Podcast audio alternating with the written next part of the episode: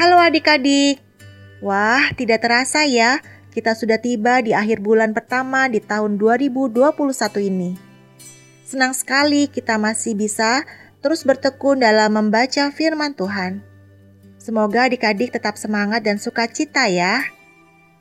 Pembacaan Alkitab untuk renungan kita hari ini terambil dari Matius 8 ayat 1 sampai 4. Mari adik-adik kita buka bersama Alkitab kita Matius 8 ayat 1 sampai 4. Sebelum membacanya, mari kita berdoa terlebih dahulu.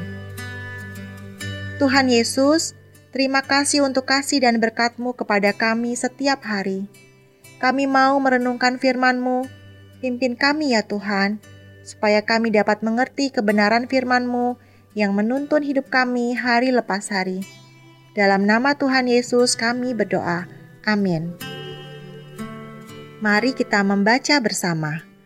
Matius 8 ayat 1 sampai 4. Setelah Yesus turun dari bukit, orang banyak berbondong-bondong mengikuti dia. Maka datanglah seorang yang sakit kusta kepadanya, lalu sujud menyembah dia dan berkata, "Tuan, jika Tuan mau, Tuan dapat mentahirkan aku." Lalu Yesus mengulurkan tangannya, menjamah orang itu dan berkata, Aku mau, jadilah engkau tahir. Seketika itu juga tahirlah orang itu daripada kustanya.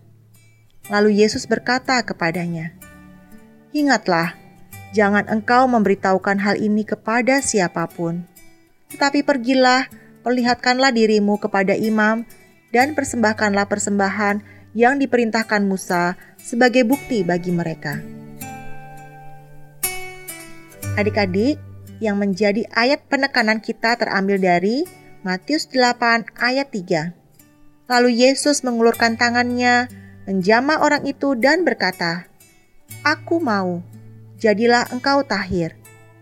Seketika itu juga, tahirlah orang itu daripada kustanya. Adik-adik, malam itu setelah Papa membacakan kisah tentang Yesus menyembuhkan seorang yang sakit kusta dari Matius 8 ayat 1 sampai 4 seperti yang tadi kita baca kepada bulan, mentari dan bintang. Mereka pun terlibat dalam percakapan yang seru. Tuhan Yesus bisa menyembuhkan segala penyakit ya, Pak? Tanya mentari kagum. Iya dong, kan Tuhan Yesus adalah tabib di atas segala tabib. Jawab bintang tak mau kalah. Tapi Pak, kenapa orang yang sakit kusta itu berkata, "Jika Tuhan mau, Tuhan dapat mentahirkan aku"? Apakah dia tidak yakin Tuhan Yesus akan mau menyembuhkannya? Tanya Bulan kepada Papa. Wah, pertanyaan yang bagus Bulan, kata Papa. Orang yang sakit kusta itu tahu bahwa Tuhan Yesus berkuasa melakukan segala sesuatu. Tidak ada yang mustahil bagi Tuhan Yesus. Itu sebabnya ia datang kepada Tuhan Yesus untuk minta kesembuhan. Tetapi orang itu tahu ia tidak dapat memaksakan kehendaknya kepada Tuhan Yesus. Ia belajar untuk menundukkan diri kepada kehendak Tuhan.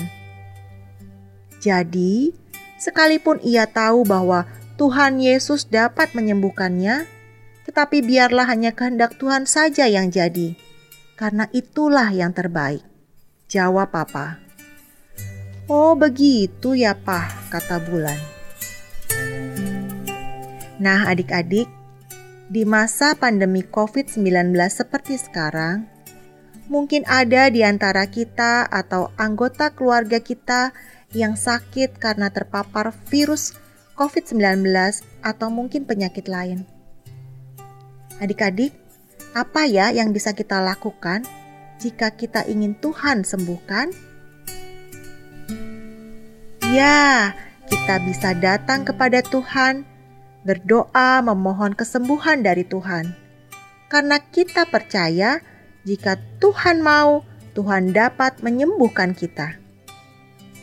Mari adik-adik bersama-sama kita mengucapkan Tuhan Yesus adalah tabib di atas segala tabib. Kita ulang ya. Sekali lagi, Tuhan Yesus adalah tabib di atas segala tabib. Mari adik-adik kita berdoa. Tuhan Yesus, kami tahu bahwa Engkau adalah tabib di atas segala tabib. Jika Engkau mau, maka segala penyakit dapat Engkau sembuhkan. Jaga kami selalu ya Tuhan. Dalam nama Tuhan Yesus kami berdoa. Amin. Demikian renungan kita hari ini adik-adik. Tuhan Yesus memberkati. Sampai jumpa.